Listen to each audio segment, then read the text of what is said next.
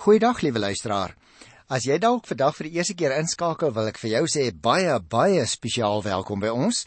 Uh dis eintlik soos 'n bus wat al in die rondte ry en jy kan gerus op die halte uh ver, vertoef of ek sal bly wees as jy sommer vandag op die bus klim en jy kan saam ry want so die Here wil gaan ons al in die rondte ry van Genesis tot Openbaring en as as die dag daar kom as die Here ons spaar, dan gaan ons weer begin om uit te saai by Genesis die eerste hoofstuk. Nou, miskien moet ek eers voordat ek begin met 'n inleiding op die boek Romeine, uh, so 'n bietjie in die algemeen gesels oor uh, geloof, want jy sien luisteraar, met die woord geloof kan 'n mens natuurlik baie verskillende dinge bedoel, is dit nie so nie? Dit kan byvoorbeeld dui op getrouheid of dit kan ook verwys na algehele vertroue En ek dink daar is die beste voorbeeld, miskien daardie mense wat deur die Here Jesus genees is en dan begin hulle in hom glo en hulle hulle stel hulle vertroue in hom. Mense sou geloof ook op 'n ander manier nog weer uit 'n ander hoek kan beskrywe. Uh wanneer jy sê geloof is 'n vaste vertroue op die Here. Gaan kyk met daar in Hebreërs by die 11de hoofstuk by die eerste vers. 'n Mens kan natuurlik ook sê 'n geloof wat nie in goeie werke uitmond nie, is geen ware geloof nie die boek Jakobus leer dit vir ons. Wat bedoel Paulus byvoorbeeld as hy nou in die boek Romeine van geloof praat? Want jy het seker ook al gehoor mense sê die groot boek oor die geloof. O, oh, dan moet jy die boek Romeine lees. En dit is so. Maar wat word dit daarmee bedoel? Luisteraar, dit is nogal vir my baie opmerklik dat Paulus geloof en redding aan mekaar verbind. As jy die boek Romeine baie mooi gaan bestudeer, soos ek nou hoop ons gaan doen.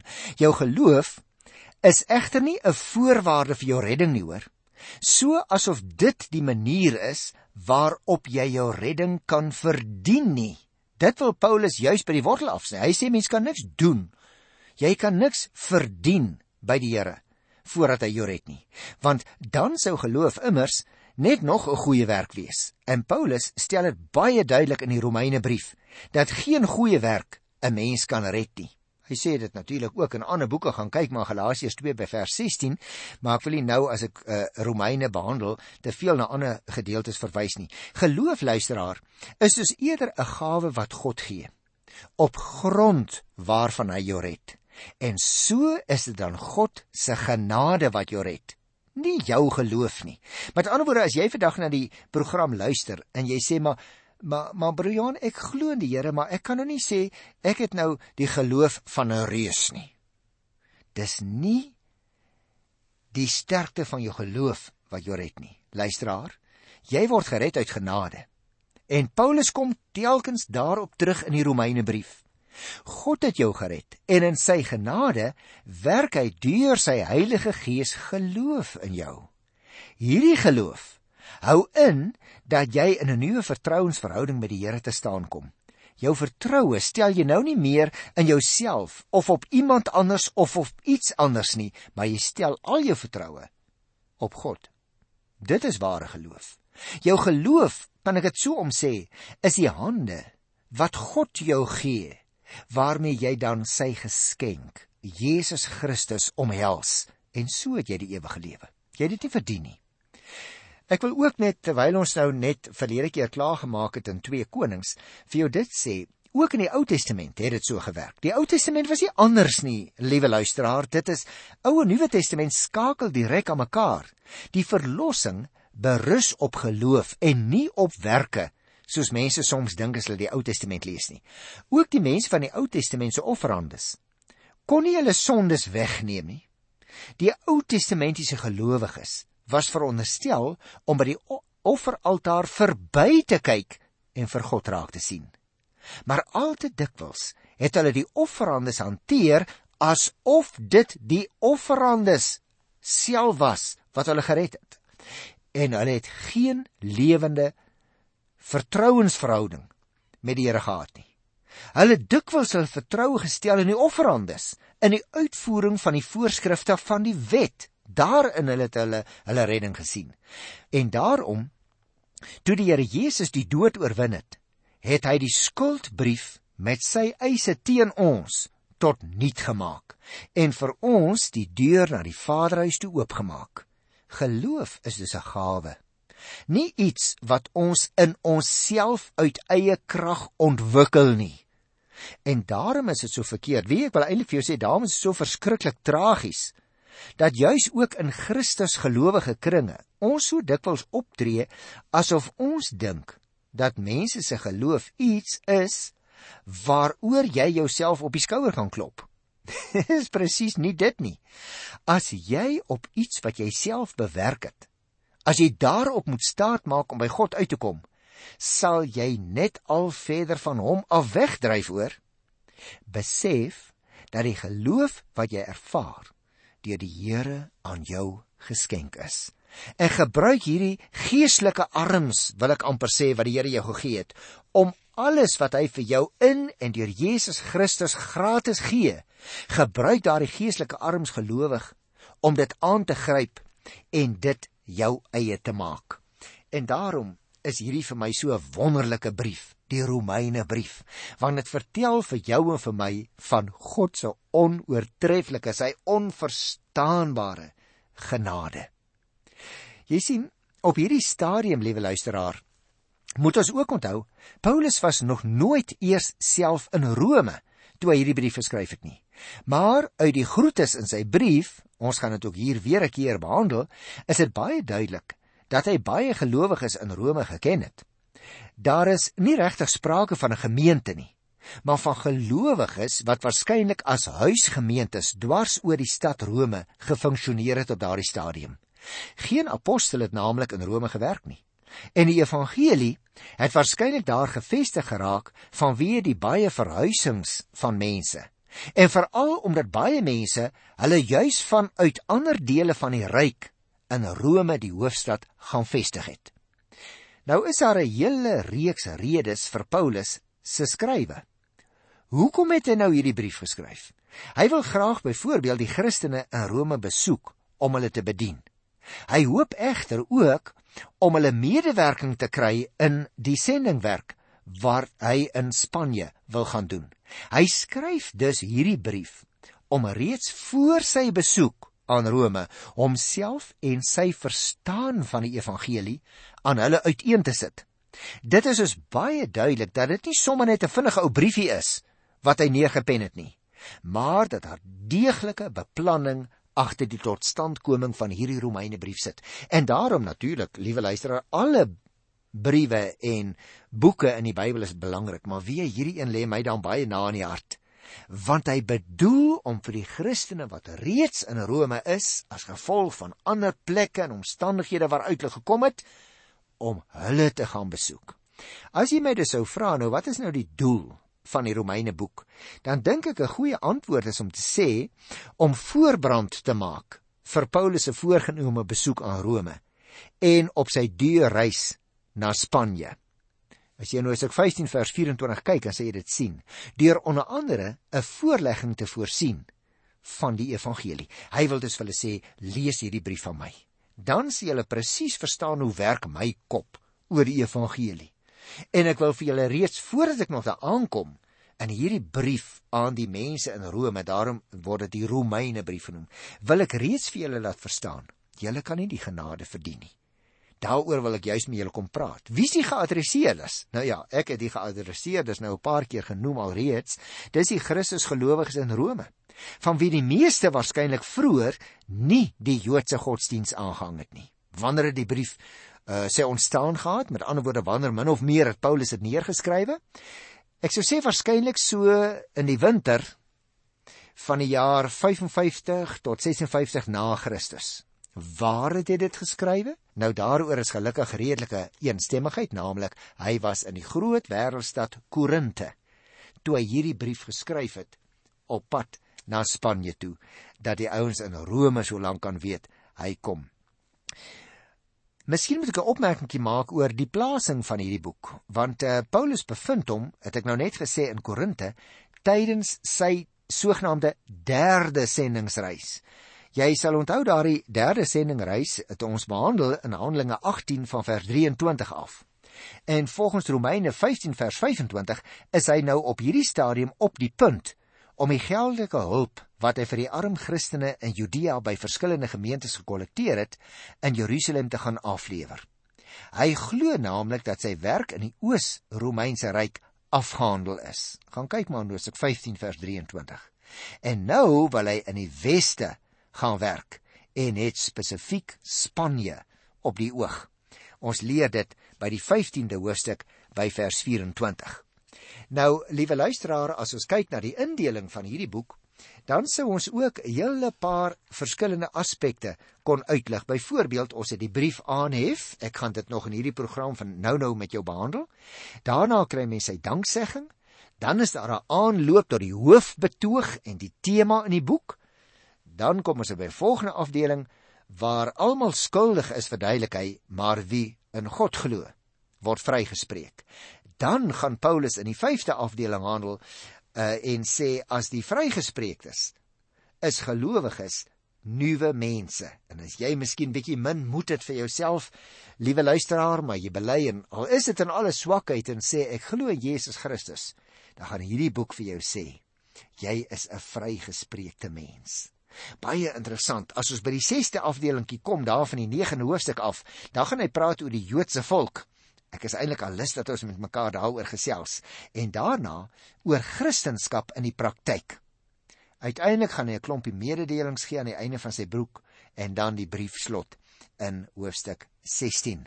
Gaan hy die hele hoofstuk daaraan wy. Dit gaan oor baie verskillende sake in hierdie boek, liewe luisteraars. Sonde, o ja, dit kom dikwels ter sprake, maar verlossing kom, ek wil amper vir u sê, nog 'n groter klem kry in hierdie boek. Hy praat oor geestelike groei.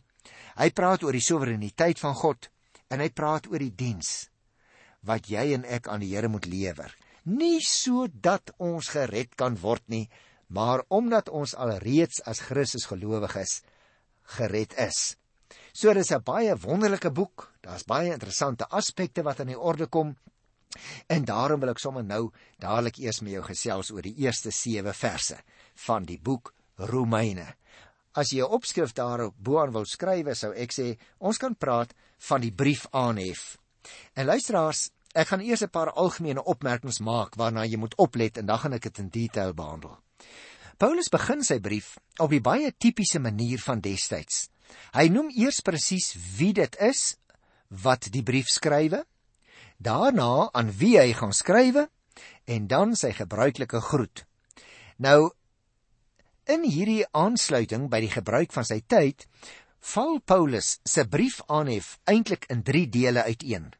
Daar is eerstens die naam en die posisie van die skrywer, dit gaan jy kry in die eerste 6 verse. En dan die name van die ontvangers in vers 7a en uiteindelik die groet in vers 7b. Hy sluit egter nie klakkeloos by verstarre formules aan nie, hoor. Hy was nie aan formules verslaaf nie, as ek dit nou maar so mag uitdruk, maar hy vul hulle met 'n sprankelende Christelike inhoud. Omdat die oorgrootste deel van die huisgemeentes Paulus nou nie op hierdie stadium persoonlik geken het nie en dit vir die saak van die Here so uiters belangrik is dat hy sy skrywe in die regte perspektief wil stel en ook wil hê die mense moet dit so aanvaar, beskryf hy sy amptposisie so bietjie uitvoeriger as in al sy ander briewe. Dit gaan immers nie bloot luisteraars vir hom om sy eie aanvaarbaarheid nie, maar ten diepste om die gesag van die Here Jesus Christus in wie se naam hy hierdie brief skrywe. Luister hy begin so. Nou gaan ek so 'n bietjie meer na die detail van die boek kyk. Van Paulus, 'n dienaar van Christus Jesus, geroep om apostel te wees, afgesonder vir die evangelie van God. O, dis 'n mondvol maar wonderlike woorde. Paulus skryf hierdie brief sê hy aan die gelowiges in Rome. Hy was self nog nooit in Rome nie, het ek vir jou vertel, en ook nie een van die ander apostels nie. Van die gelowiges wat hulle in Rome bevind het, het waarskynlik van ander plekke af gekom waar hulle tot 'n bekering gekom het. Hulle het na Rome toe gereis en nou het hulle daar gevestig. Dit kan ook wees dat sommige van die gelowiges onder diegene was wat op Pinksterdag in Jerusalem tot bekering gekom het. Ons het daaroor gepraat in Handelinge 2 rondreisende predikers soos byvoorbeeld Aquila en Priscilla vir wie ons ook ontmoet het in Handelinge 18 het waarskynlik ook die gelowiges in Rome besoek en onder hulle gewerk want ons gaan hulle hier in Romeine 16 van die 3de vers al weer 'n keer ontmoet. Paulus skryf die brief terwyl hy nog soos ek jou net nou vertel het in Korinte is. Dit was dus heel waarskynlik teen die einde van sy derde sendingreis kort voor hy eers gou-gou na Jerusalem terug te gegaan het om die geld te gaan aflewer. Hy het verskeie oogmerke met die brief. Hy wou hulle bemoedig. Hy wil ook homself as en sy prediking aan hulle bekendstel. Hy was immers van plan om in Rome te gaan, maar ook of voor dit of na dit na Spanje te gaan om daar te gaan werk. Die brief bevat is eintlik baie duidelike en omvattende uiteensettings van hoe Paulus die evangelie verkondig het. Daarom miskien dat hy hom nou so buitengewoon wil ek amper sê buitengewoon breed en plegtig aan hierdie mense in Rome aan wie hy sy brief rig voorstel.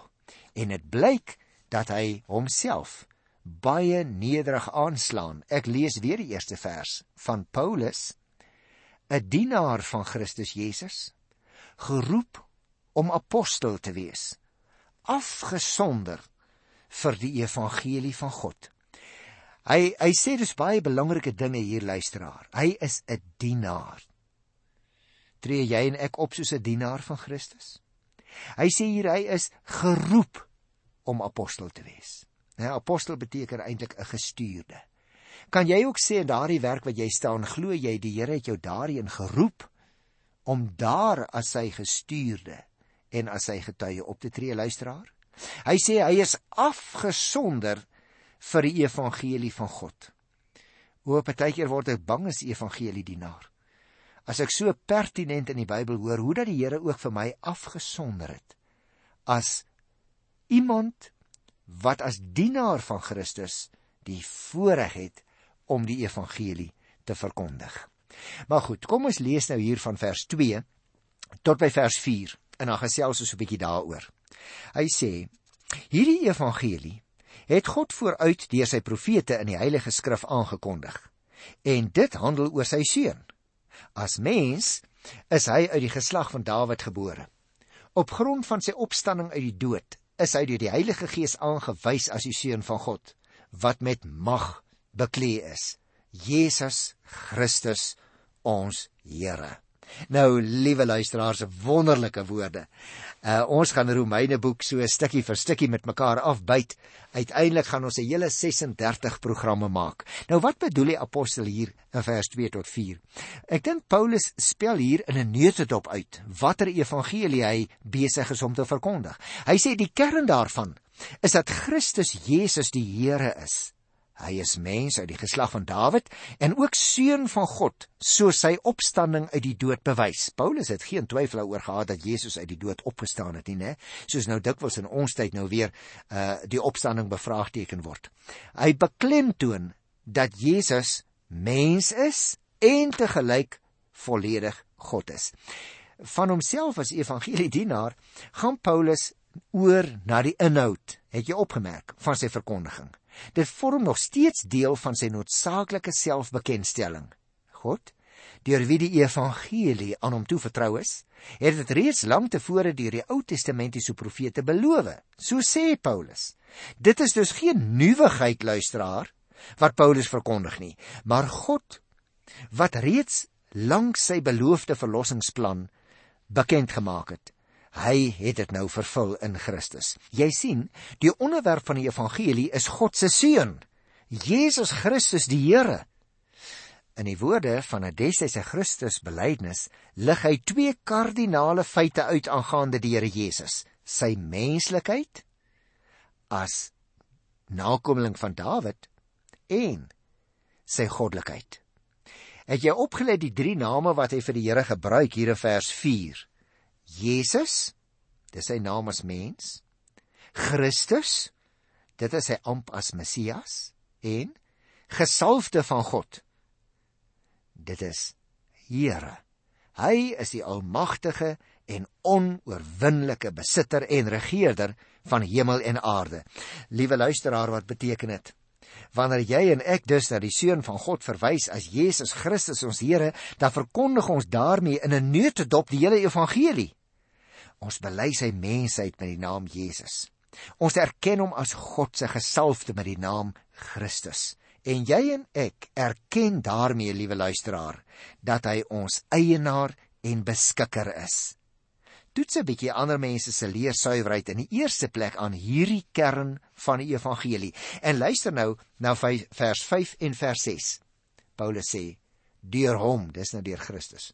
Deur hom het ek die genade ontvang om apostel te wees onder die heidene nasies, om tot eer van sy naam mense tot geloof en so tot gehoorsaamheid te bring.